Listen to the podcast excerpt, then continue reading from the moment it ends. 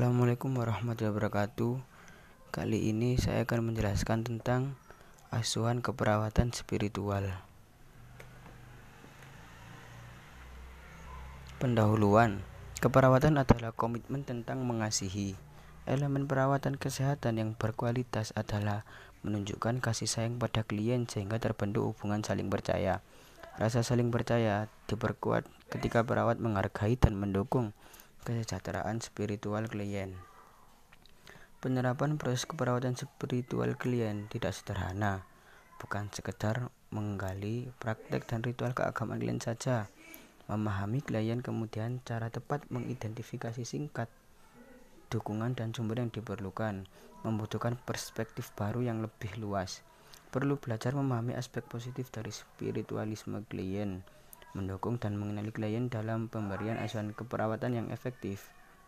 Pengkajian Asuhan keperawatan akan terjadi bila terbinanya hubungan saling percaya antara perawat dan klien. Aspek spiritualitas selalu dipengaruhi oleh pengalaman, kejadian, dan pertanyaan tentang kejadian, penyakit, dan perawat di rumah sakit. Oleh karenanya, pengkajian dapat menjadi kesempatan untuk mendukung menguatkan spiritual klien menjadi terapeutik. Kapan dilakukan pengkajian? Pengkajian sebaiknya dilakukan ketika perawat dapat membentuk hubungan yang baik dengan pasien atau dengan orang terdekat pasien. Apa yang harus dikaji? Pertama, afiliasi agama. Kemudian keyakinan dan spiritual agama. Pengkajian data subjektif mengenai konsep tentang Tuhan, sumber harapan, praktek agama, hubungan antar keyakinan dan kondisi kesehatan. Pengkajian data objektif meliputi pengkajian afektif, perilaku, verbalisasi, hubungan interpersonal, dan lingkungan. Diagnosa keperawatan menurut Faran 1989 Ketika meninjau pengkajian spiritual dan mengintegrasikan informasi ke dalam diagnosa keperawatan yang sesuai, perawat harus mempertimbangkan status kesehatan klien terakhir dari perspektif holistik dengan spiritualitas sebagai prinsip kesatuan. Menurut Potter and Perry 1997, setiap diagnosa harus mempunyai faktor yang berhubungan dengan akurat sehingga intervensi yang dihasilkan dapat bermakna dan berlangsung. Diagnosa keperawatan spiritual, distress spiritual adalah kerusakan kemampuan dalam mengalami dan mengintegrasikan arti dan tujuan hidup seorang dihubungkan dengan agama, orang lain, dan dirinya. Ruang lingkup diagnosa keperawatan distres meliputi berhubungan dengan diri, berhubungan dengan orang lain, berhubungan dengan seni musik, literatur, dan alam, berhubungan dengan kekuatan yang melebihi dirinya. Faktor yang berhubungan dari diagnosa keperawatan distres spiritual, mengasingkan diri, kesendirian atau pengasingan sosial, cemas, juga perubahan hidup dan penyakit kronis diri atau orang lain. Perencanaan Dalam menetapkan rencana perawat, Tujuan ditetapkan secara individual dengan mempertimbangkan riwayat klien, area beresiko, dan tanda-tanda disfungsi serta data objektif yang relevan. Tujuan askep klien di stres spiritual berfokus pada menciptakan lingkungan yang mendukung praktek keagamaan dan keyakinan yang biasa dilakukannya.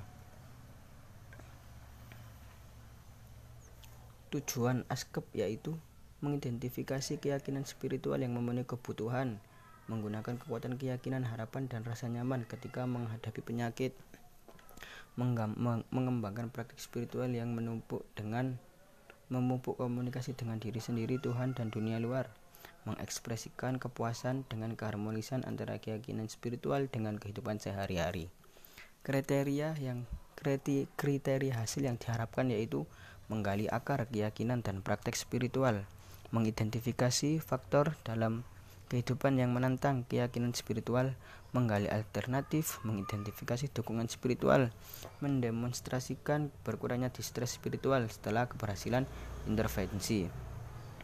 Kemudian implementasi menurut Hamid 2000. Periksa keyakinan spiritual ibadah. Fokuskan perhatian pada persepsi klien terhadap kebutuhan spiritualnya. Jangan mengasumsi klien tidak mempunyai kebutuhan spiritual.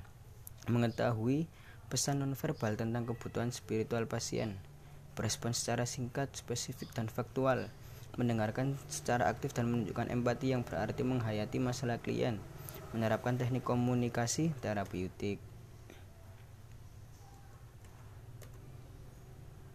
Menurut Amenta dan Bonnet, ada empat cara untuk membantu perawat dalam menerapkan perawat spiritual yaitu menyimak perilaku wajar, selalu ada, menyetujui apa yang dikatakan klien, menggunakan pembukaan diri.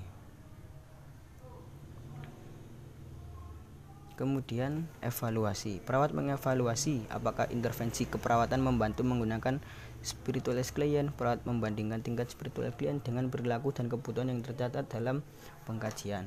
Bagi klien, dengan penyakit terminal serius, evaluasi difokuskan pada keberhasilan membantu klien meraih kembali harapan hidup. Tujuan asuhan keperawatan tercapai apabila klien mampu beristirahat dengan tenang, menyatakan penerimaan keputusan moral, mengekspresikan rasa damai berhubungan dengan Tuhan, menunjukkan hubungan yang hangat dan terbuka dengan pemuka agama, mengekspresikan arti positif terhadap situasi dan keberadaannya, menunjukkan afek positif tanpa perasaan marah, rasa bersalah, dan ansietas, menunjukkan perilaku lebih positif, mengekspresikan arti positif terhadap situasi dan keberadaannya. Diharapkan doa diulang agar manusia lebih mendengar, karena berdoa bukan memaksa Tuhan. Mungkin itu saja yang dapat saya jelaskan apabila ada kurang lebihnya saya mohon maaf. Wassalamualaikum warahmatullahi wabarakatuh.